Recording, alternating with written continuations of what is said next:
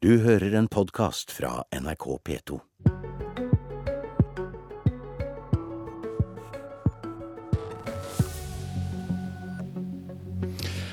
Første 8. mars-markering etter et ras av metoo-avsløringer, også innad i statsministerens eget parti. Kan vi sette strek og gå videre? Hvor mange ganger har folk ikke gått under parolene for bedre likestilling og integrering av minoritetskvinner på nettopp denne dagen? Hvorfor lar det seg ikke løse? Da sier vi velkommen til Politisk kvarter på NRK P2, Alltid nyheter, NRK2 og nrk.no. Og på denne 8. mars, denne kvinnedagen, sender vi direkte fra statsministerboligen. Og Første tema er eh, metoo. For eh, den er ikke helt som de foregående denne kvinnedagen. Avsløringer om ukultur blant menn overfor kvinner, ikke minst innen politiske partier, der vi hører om voksne menn som sender pornografi til mindreårige, tvinger seg på yngre partifeller, begår overgrep mot berusede partifeller. Ja, listen den er lang. Og statsminister Erna Solberg, som landets øverste politiske leder, er dette den viktigste parolen i dag? Ja, eh, jeg mener at dette er den viktigste skiftet som har skjedd det siste året. Og det er et momentum nå for å ta fatt i noe som har vært kanskje større, eh, mer eh, og mer skjult enn det man det jeg tror mange av oss var klar over.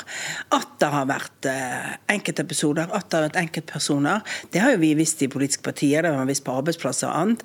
Men den dokumentasjonen som vi har sett i løpet av disse månedene på store bransjer enkeltsakene og de større meldingssakene vi har hatt i egne partier, eh, i alle partiene har, har jo vist at eh, selv om vi tror vi er gode på likestilling, og selv om vi tror vi har gode regelverk, så har vi ikke klart å bygge god nok kultur. Og det er jo sånn, Ingen regelverk fungerer godt nok hvis ikke du bygger kulturen godt nok samtidig. Mm. Hvordan skal du selv eh, markere dette i dag? Jeg skal delta på mange ulike typer arrangementer, men jeg starter her med en, med en, en, frokost med innvandrerkvinner, som vi har planlagt for å diskutere hva gjør vi nå for eh, de som både er eh, første generasjon, men også de som har foreldre som kom hit og er nordmenn, men med en litt annen bakgrunn og kanskje litt annen press for å snakke om hvordan sikrer vi kvinners i minoritetsmiljøenes rettigheter. Men det er klart samtidig så er det viktig å holde debatten om metoo åpen, og la den fortsette. For det aller viktigste er liksom at dette blir et skifte. Og at det blir en, både en annen holdning på arbeidsplasser, i organisasjoner og annet mellom kvinner og menn eh, enn dere har åpnet for å varsle.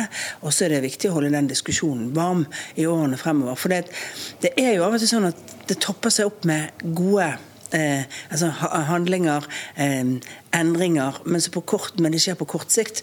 Og noe av jobben vår nå er å holde dette varig. Sørge for at det vi har lært denne, disse tre-fire siste månedene, det gjør et reelt skille. Mm.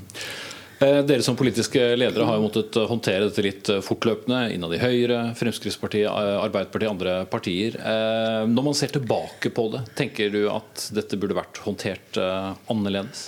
Altså, Vi har jo en eget utvalg som går igjennom om vi burde håndtert dette annerledes. Og så vet vi at vi har noen historiske saker vi skulle ha håndtert annerledes. Så har vi håndtert saker av denne typen på veien. Så vi har noen saker som har vært håndtert bra også. Eh, så vet vi at eh, kanskje det som har vært eh, mest vanskelig, har vært at når vi skal varsle om folk som sitter i ledelsesproposisjoner, så er egentlig den linjen du skal varsle i, så blir det for vanskelig. Og Derfor en av de tingene som vi har iverksatt allerede, det er jo å lage varslingsordninger som er eh, som går til andre personer som har dette som en, som en hovedoppgave å ta imot og, for, og, forholde seg til dette. Eh, særlig fordi at da, da, får man kanskje større tillit til også eh, at dette ikke påvirker eh, din egen politiske karriere, det du har lyst til å gjøre, for fordi du har varslet om noe. Mm. Eh, en av eh, konsekvensene innad ditt eget parti var jo at du selv sa at eh, den personen som var Ung Høyre-leder, nok ikke har noen ny politisk karriere innad i partiet videre. Og jeg vet du har svart på det mange mm. ganger, men samtidig så sier folk du har jo en statsråd i din egen regjering mm. som har gjort noe, men fått lov å komme tilbake. Ser du at det kan være vanskelig å forstå dette? Men Det er forskjell på en sak som er aktuell og behandles nå, og en sak som faktisk ble behandlet, og kanskje ikke godt, absolutt ikke godt nok behandlet på det tidspunktet for nå 18 og et halvt år siden.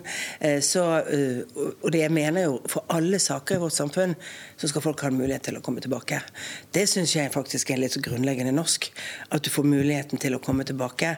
At det ikke er livstidsdom eller utestengelse fra fordi man har gjort noe galt. Vi har hatt straffedømte statsråder. vi har hatt altså opp gjennom flere regjeringer. Vi har hatt mange som har, har gjort gale ting, men du, du er ferdig med det, du soner.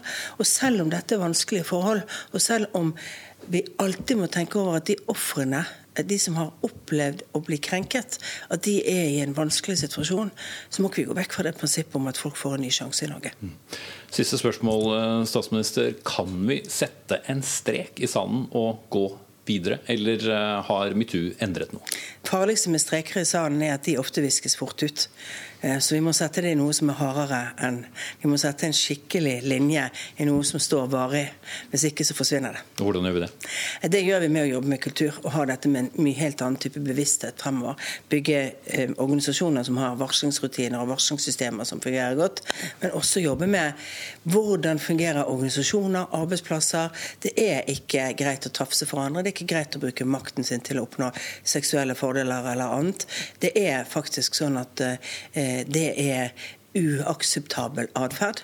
Eh, og i noen saker så er det så uakseptabelt at det, er, altså at det også er kriminelt. Og det er jo det vi ser i noen av de sakene som meldes i mange bransjer og annet, at her er overgrep som også burde vært straffemessig forfulgt. Klare ord fra statsministeren. Takk skal du ha, Erna Solberg. Vi skal eh, skifte panel og også delvis eh, tema her. For eh, hvor mange 8. mars har vi vel ikke hørt diskusjoner om hvordan vi skal kunne bli bedre på likestilling og integrering av minoritetskvinner. Det er, hold deg fast, også tema i år. Ikke minst her i statsministerboligen, der det nå klokken åtte er et frokostmøte om likestilling nettopp for minoritetskvinner. Og barne- og likestillingsminister Linda Hofstad Helleland du er en av tre representanter for regjeringen her. Hva, hva vil dere? Ja, vi inviterer disse damene og faktisk noen menn for å, å, gi oss eh, innspill, for å gi oss tilbakemelding på hva det er det viktigste vi vil ta tak i.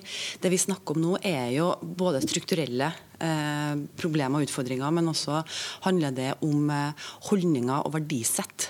Og, og, det er vanskelig å endre. Men det som eh, har skjedd den siste tida, det er at nå har vi mange, ikke minst unge jenter, sånn som Nancy og de skamløse, som står opp og forsvarer retten til å leve frie liv og ta selvstendige valg det å ha en fot i eh, minoritetsmiljøet, men også en fot i majoritetsmiljøet, og det å skal få muligheten til å, å leve et liv hvor eh, de tar eh, egne valg, det er noe nytt som vi har sett nå. De skal bli hørt, de skal bli respektert. Det vi opplever nå med hatytringer diskriminering. Det, det, berører oss. Det er forferdelig vanskelig. Sånn skal ikke vi ha det. Fordi Eh, og det her er en reaksjon på at de står opp for seg sjøl. For valgene og livene de ønsker å, å, leve. Og Det er vi nødt til å slå ned på. Samtidig så er vi også nødt til å se på hvilke tiltak er det vi best kan sette inn som politikere for å redusere, altså mot sosial eh, kontroll, mot tvangsekteskap og alle disse tingene. Mm.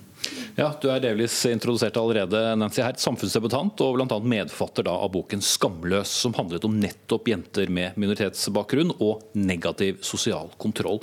Hva tenker du er årsaken til at vi hver eneste 8. mars snakker om dette? Jeg vil først begynne å si gratulerer med dagen til alle kvinner der ute. Og at eh, det har skjedd veldig mye de siste 10-20 årene. Det er mange som har gått foran og tatt denne kampen før oss, og som fortsatt gjør det. Mange pionerer, mange andre unge mennesker. Og jeg tenker at noe som har utvikla seg, og noe som er positivt, at vi klarer å se dette i sammenheng i mye større grad. Statsråden hadde i går en eh, en tekst eller en blogg på trykk i det hun sa, eh, som heter 'Vi må alle bli skamløse'. Og Det jeg synes var veldig fint der, var dette fokuset på at unge mennesker må oppleve ikke bare negativ sosial kontroll, men oppleve òg diskriminering og rasisme i form av å være den vi er. Og så er det ikke bare jentene dette rammer, eh, det gjelder jo guttene òg. Så det er veldig fint at menn er invitert på dette frokostmøtet. Mm. Da jeg snakket med deg i går, så sa du at veldig mye handler også om retorikk. Hva mener du da? Jeg tenker at Måten vi snakker om disse tingene på, absolutt er viktig. Og Det er veldig fint å se at statsråden og statsministeren har gått foran. Eh, og Jeg håper jo at andre politikere eh, i både deres regjering og utenfor regjeringen eh, ser på dette og ser at man må snakke om det på en måte som inkluderer, med en antirasistisk og feministisk kjerne. For ellers så fremmedgjør du de menneskene som man vil stå opp for og med. Og så er det viktig for meg å understreke at eh, dette er jo ikke motsetninger. Det er ikke sånn at jenter som ser ut som meg, ikke opplever metoo. Ikke sant? Det er ikke sånn at vi bare opplever én eh, problematikk. Likestillingskampen og kvinnekampen den gjelder oss alle. Og så finnes det noen av oss som opplever diskriminering i kraft av å være den vi er, eller negativ sosial kontroll pga. at vi har en annen bakgrunn. Ja, for Det er jo en utfordring der eh, Helland, med hva, når man uttrykker seg. For det blir så veldig lett oss, altså hvit uh, middelklasse nordmann, uh, og dem uh, som da ikke er det. Hvordan kom vi forbi disse stengslene som vel har stått der kanskje i 40-50 år? Det handler om at vi skal snakke med hverandre. Og så handler det også eh, om å slå hardt ned på eh, det vi ser av eh, ytringer som eh, oppleves også veldig vondt. Eh, og at vi må være tydelige på at sånn skal vi ha det. Eh, og da tror jeg at det å løfte fram da, rollemodeller, da, sånn som Nancy. For at hun inspirerer mange. Hun er et forbilde for mange noen som tør å stå opp for det man mener, uten å være Ja, egentlig også risikere eh, veldig mye. Det er mye som settes på spill for mange av de damene og jentene og unge guttene som i dag både kjemper små og store kamper. Eh, og dem skal vi beskytte. Og Derfor skal vi styrke også rettsvernet deres. Det har vi gjort. Men så må vi også snakke med foreldrene deres. Altså Vi har hatt noe den siste tida ikke sant, saker hvor, eh, hvor foreldre sender barna sine til, til koranskoler.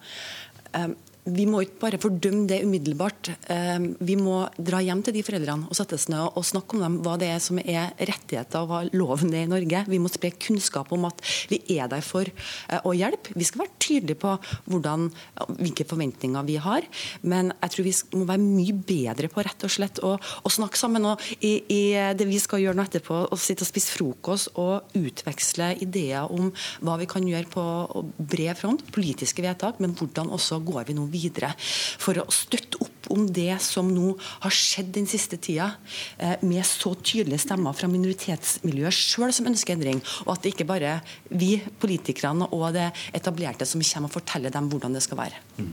Hertz, hva var din oppfordring til eh, ministeren og regjeringen? Jeg synes det er veldig fint det du sier, og vil følge opp med å si at vi snakker jo ikke om disse tingene fordi vi hater noen. ikke sant? Vi gjør det fordi vi bryr oss. Eh, og selvfølgelig skal vi fordømme menneskerettighetsbrudd, urett, tvang. Eh, og det går det an å gjøre samtidig som eh, vi forstår ikke nødvendigvis forståelse for uretten, men forstå hvor det kommer fra. Og Hvis vi klarer å løse problemer som handler om rasisme, om klasseforskjeller, økonomiske forskjeller, så kan det hende at vi da går til roten av problemet, i stedet for å hele tida slukke branner. Så min oppfordring er jo å fortsette med den linjen hele året. Oppfordre andre politikere til å gjøre det samme. Og være veldig tydelig på at dette med negativ sosial kontroll er ikke bare et minoritetsproblem. eller Når vi snakker om minoriteter, så er det jo visse minoriteter. Dette er noe som rammer bredt. Eh, vi ser det i kristne miljøer i Norge i dag, ikke sant? de lukka miljøer. Og òg inkludere guttene. Guttene er kjempeviktige. Så er det en forskjell som kanskje er et poeng på en dag som dette. Fordi at Hvis jeg ytrer meg om noe, så må jeg som regel eh, forsvare ytringen. Hvis en av dere ytrer dere, så må dere gjerne også forsvare kjønnet, eller for den sakens skyld eh, minoriteten. Og Det ser vi kanskje mer enn noen gang nå, fordi vi også har eh, sosiale medier. Og Det er en, en ny barriere. Mm. Absolutt. Og jeg tenker at noe av det viktigste vi kan gjøre, er jo dette med å fremme bedre holdninger, og som statsråden sa, slå hardt ned på de ytringene som er på å hemme ytringsfriheten vår. For det er det de gjør, de hemmer ytringsfriheten, og de hemmer ytringsrommet. Og det handler jo ikke bare om hets, det handler jo òg om når jeg blir satt opp mot noen andre, som f.eks. bruker hodeplagg, og så sier de ja, men du er jo så integrert. Og det er jo ikke et kompliment. Det er egentlig å si at de andre, er ikke gode nok, og så er jeg god nok fordi jeg er som deg. Eh, så jeg tenker at vi må være bevisste på hva som blir sagt, vi må være bevisste på hva vi sjøl sier, og så må vi tørre å si fra. Mm. barne- og likestillingsminister Helland, du får siste ord. Ja, jeg er veldig glad for at så mange har takka ja til å komme hjem til statsministeren og spise eh, frokost og eh, være en representant for de modige stemmene. Jeg har også behov for å gi dem en honnør, for vi kommer oss ikke videre hvis ikke noen som tør å, å risikere noe og sette noe på spill eh, og være så tydelig på um, retten til å, å leve livet man, man sjøl ønsker å, å, gjøre. Det er bare sånn vi kan komme oss videre. Og jeg gleder meg veldig nå til å, til å sette oss rundt samme bord og få en, en, en fin prat om hvordan vi skal gå videre sammen. Og så håper jeg at alle kvinner i dag får en eh, flott eh, feiring av 8. Eh, mars, uansett hvordan man ønsker å feire den. Da setter vi strek. Politisk kvarter er over. Jeg heter Espen Aas.